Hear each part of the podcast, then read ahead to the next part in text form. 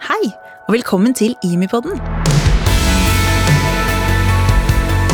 Gjennom eksklusive intervjuer og glimt fra Imikirkens liv ønsker vi å inspirere deg til etterfølgelse av Jesus.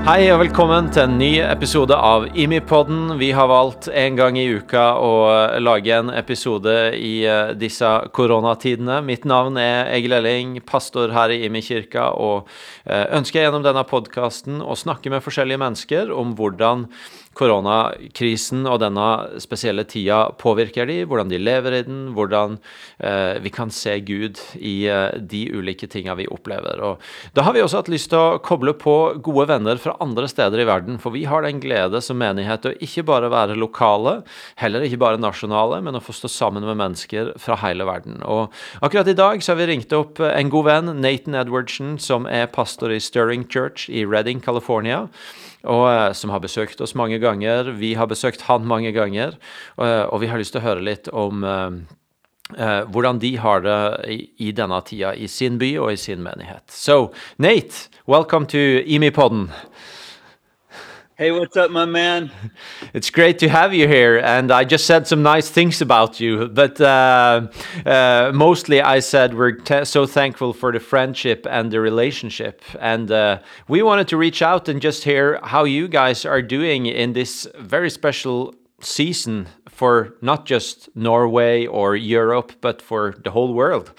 Um, and you're up in Redding, California. Can you first just tell us how has uh, this time affected you personally and you as a family? Yeah, wow. I think I think that's one of the the unusual things about this time is it's affected us all in different ways. You know, so we have we have friends that have lost jobs. You know, we have we have friends that that you know are working more than they've ever worked before and then others that can't work. So they're at home on vacation and and we have friends that that you know seem to be enjoying the time off with family and then i you know other friends that that, that are losing people they love. You know we had a man in our church that died a couple weeks ago um, because of coronavirus and another friend of mine lost his best friend um, two weeks ago as well and so it's just interesting how you know we're all experiencing this in different ways. And i would say for us as a family we're just we're kind of going stir crazy. You know we've got four kids all cooped up in the house three teenagers. And you know as much as we've we've enjoyed some time together there's also a sense of like wow you know wanting wanting to get out and kind of be with friends and do something i um, you know, I left the house the other day and I told my son, I said, Hey, when I get home, bring the trash bins in. And when I got home, all three trash bins were on the roof. And so this is the kind of thing happening in quarantine. So um, we're healthy, we're healthy, but we have friends that are that are grieving, hmm. and uh, and we have friends who have lost loved ones. So there's a real tension there of, you know, of grieving with people, but also enjoying the gift in this mm. time. So. Yeah, and and uh, it's good to hear that you as a family are doing well. I've seen some of the stuff on your Instagram account that tells me there's seems like this season has released some creativity uh, with different uh, fun and games uh, with your kids. Yeah, lots of lots of innovation. You know, you've heard the phrase that you know crisis breeds innovation, or and and definitely we're seeing that in our family. Our kids, are, our kids are cooking now. Hmm. My wife is sewing masks every night, so she's become a professional mask sewer. and and every day I get home, our kids are coming up with new ways to to innovate in quarantine. Um, my son started playing the guitar, so my son plays the guitar now, and then my daughter started playing the ukulele. So I think we're going to start a quarantine band um, one of these days, and uh, hopefully we can tour the world and we can play in Norway. Oh, we look forward to that. Sounds like a concert on the next Open Heaven summer camp. Uh, yeah. So uh, you're pastoring a church, and you've already mentioned it briefly. But how how's your church been doing in this season? Yeah. So our church, our church has been built on on community and family and house church. And so, um, even though we can't gather in this time, there's still a real sense of we're staying on mission that your mission doesn't change in the disruption your mission doesn't change in the the displacement in the pandemic and someone asked me recently they said you know what is this you know what has changed about your mission because you're not gathering. I said nothing's changed. We love we make disciples. Hmm. we love people where they are. We disciple people into who they are. And we were doing that long before we gathered on a sunday. And so for us you know it's it, it's been different because we've never really done anything online. And so having to pivot hard and you know first off care for people and then figure out how are we going to stay connected you know? And so through weekly prayer through our online you know weekend experience you know we're doing our doing our best to stay connected and i can't say that i love it it's you know i'm i'm torn because it's new space and we're we're finding God in the new space and and we're finding what I call the gift in displacement. You know, there's beautiful gifts in this time, you know, but at the same time we long to be together. You know, so so we're we're trying to we're trying to find the deeper thing God's doing and at the same time there's you know there's that longing to be face to face and and uh, so we live in that mm. tension in this time yeah, and I can I can really relate to that. There's that sense that if someone of us could have just pushed a button and this was all over, I think most of us would have pushed that button and and kind of get get back. But at the same time, that's not an opportunity, and uh, we don't want to waste this moment, but actually see what can we learn, where can we grow. Yeah. What's God doing? And and I wanted to ask you, what what are you learning in these weeks? That's such a great question. You know, I I don't want to come through this time unchanged. And so for me I've, you know, I've had the discipline of of spending time with Jesus to go, God, what are you doing? What are you saying? How are you changing me? God, would you transform us in this time? And and there's a couple things um, that I'm learning. One is this there's so much noise happening right now in the world. And the world doesn't need more noise, the world needs voice. The world doesn't need more opinion, it needs wisdom.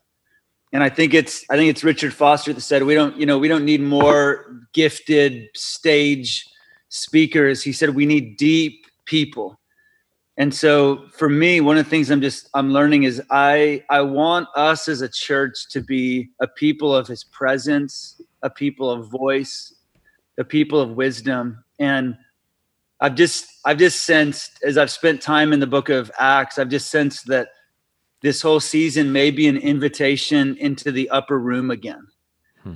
and in in the book of acts you know jesus said hey before you go out and do the next thing they gather in this room. They they're in confinement. It's interesting that that in the book of acts where the holy spirit comes is a group of people kind of locked up sheltered in place and the spirit of god comes. And and something beautifully happens at resurrection because the disciples go from from what i call garden disciples. In the garden they can't even stay awake for an hour right? They mm. keep falling asleep on jesus. And Jesus, like you can't even they, they have no attention span for God. They have no no stamina for the Holy Spirit. And then after resurrection, you know, for 10 days, they're seeking him, they're waiting on the Lord. And for me, there's just been a longing to be an upper room disciple, you know, to, to lead our church to become an upper room church.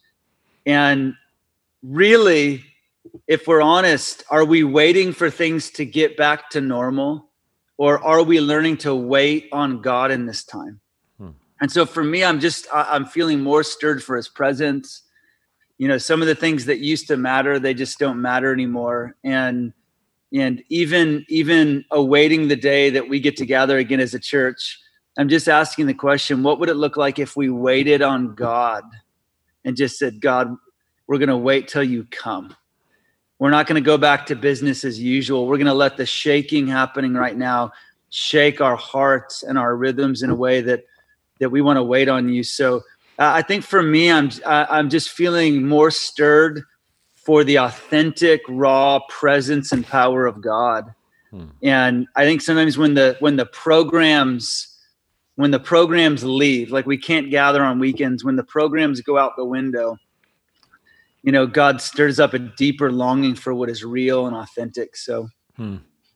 Wow, that's great, and and I think I sense in your answer some of the same um, focus that I've I, have i have sensed that changed over, over over the time, especially after Easter, or perhaps for Easter, it was more like when can we go back to normal? And as we realize, there's there's there is no way back. It feels like we're shifting to more forward thinking of where are we going and how will we come out of this time changed as you say we don't want to come out unchanged and and yeah. even for us we we gather some prophetic people to just pray and seek the Lord, and and they given words like uh, "ready to start." It's it's it's ready to start looking forward and and to sow the seeds for the future. Um, and so I sense there is this shift where we're leaning more forward, thinking about how we're how we're uh, uh, building for the future, yeah. which will be different, but at the same yes. time, we, we, we're not in control of that. We're not in control of how the future will be. So, so what is a good response for us in that space as disciples and as a church? Yeah. Well, here in California, you know, we have no idea when we'll be allowed to gather again. Um, we're assuming it could be another three months. Hmm. And so I've I've really asked this question of myself and of our church if if we knew that we wouldn't gather again for a year if we knew that this was the new norm how would we stay on mission what would our response be and someone asked me recently a, a pastor asked me said you know how are you how are you keeping your church engaged online and as i thought about that question i thought that's the wrong question the question isn't how do we keep the church engaged online? The question is how do we keep the church engaged on mission right now? Hmm. Loving people actively and discipling people intentionally. Hmm. And I think seasons like this, they, you know, they have the the power to revive our mission that loving people and discipling people, that's the call in the New Testament church, has never hinged on a gathering. You know so i think i think the first six seven weeks we were trying to figure this thing out and and this past week i i just thought we got to turn the corner. We got to stay on mission right now because right now uh, people's hearts are opened hmm. i just think when the world gets shaken it, it awakens hearts and and you know i can't stop thinking about the the story jesus tells about the the man the shepherd who leaves the 99 to go after the one hmm and in, in a season where we can't gather the 99, let's go after the one. Hmm. Let's get bold and let's ask God, let's ask the Holy Spirit to just anoint us for the one right now. Hmm. You know, whether Zoom calls or phone calls. So I don't know. I just I, I feel like we've got to turn the corner from the initial, hey, let's get settled here to getting back on mission as a church and and and not just waiting, not just waiting for things to go back to normal, but but saying, God, we're waiting on you to lead us, um, whether it's neighbors or youth, you know, or or um, you know somebody in our church that's that's been on the margins. So hmm. I think our response has to be, God, what are you doing? Because we believe with conviction that God is not confined to confinement. Hmm. And uh, and as a church, let's not get paralyzed um, but let's let's move with God in this time. So, wow, that's uh, that's amazing. I look. I, per, perhaps we need to call you up again in a month or two and hear how what what you've learned as you've turned the corner. Let me ask you one la- one last thing. We've talked now lots about what's what's stirring in you as you process this season. Uh, I also just wanted to ask you: Is there anything you see more visibly God do in this season, like things happening in people's lives or fruits that are visible in your church as you as you journey in this season? Yeah, it's a great question. Yeah, there's a there's a couple of things that that I'm seeing God doing um, there's a sense that God's renewing private devotion, hmm. that I can worship God anywhere, that I can love God anywhere. And uh, I've had talks with with many and heard testimonies of people saying, "Wow, I didn't need the worship band to worship God." And and I think there's a I think there's a gift here um, that that can renew that private devotion and that private love. Because i think at times we rely on on the the worship music. We rely on you know the sunday gathering to to do something for us that we're actually meant to mature in. So there's there's a renewal of private devotion. And uh, and there's also been a revival of just the presence of god in homes hmm. uh, i just personally waking up on Sunday morning, the first time in 20 years of ministry, and being able to gather my family and and experience his presence together, worship him and pray and and and it's been just a beautiful, I think, gift for us um, as a family. So there's just revival, revival happening in homes and hmm. And uh, people experiencing God um, with their kids you know, I think very few people have learned how to invite the presence of God into their homes.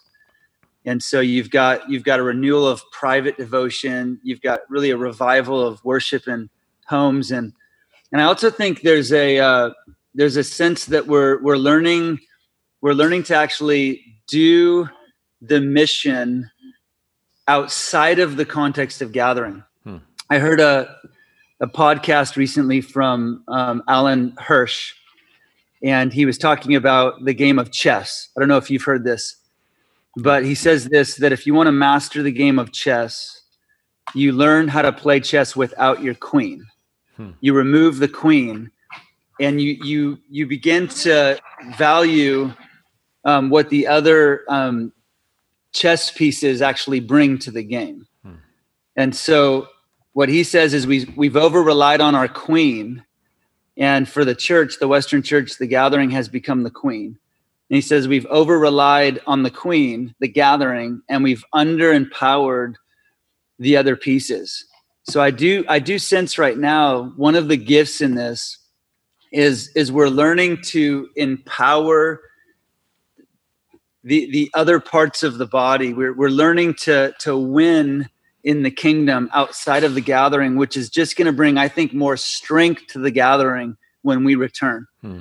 You know, if we can really not just wait to get back to normal, but we can realize, hey, listen, we can live this out powerfully um, with where we are and what we have. Hmm. So there's just some things I sense, I sense the Lord doing, and and uh, you know there's there's so much loss there's so much pain and there's so much suffering. So there's there's that tension of recognizing there's a real there's a real pandemic happening and yet at the same time god's still building his church. That's what he mm-hmm. promised that he would build his church and he's just good at it. He is good at building his church. Yeah Wow. Well, Nate, uh, thank you so much for uh, your friendship and your wisdom and for sharing this with us that um, really can encourage us back here in Norway. We look forward to have you back. We hope uh, that will happen in not too long a, a, time. Right now, it's not easy to travel. Um, but until then, we're praying and standing with you. And just thanks for joining us. Thanks, Elling. Love you guys. Can't wait to get back there and uh, Norway's our home away from home, and we consider you guys family. So just just an honor to be on this journey with you. So. Det var Nathan Edwardsen fra Redding, California, som var med oss på IMI-podden i dag. Masse spennende å ta tak i der.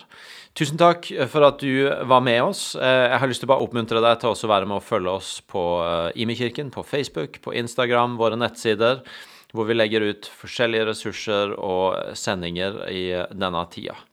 Eh, og så er vi tilbake neste uke med nye gjester. Til da, ha en velsigna uke.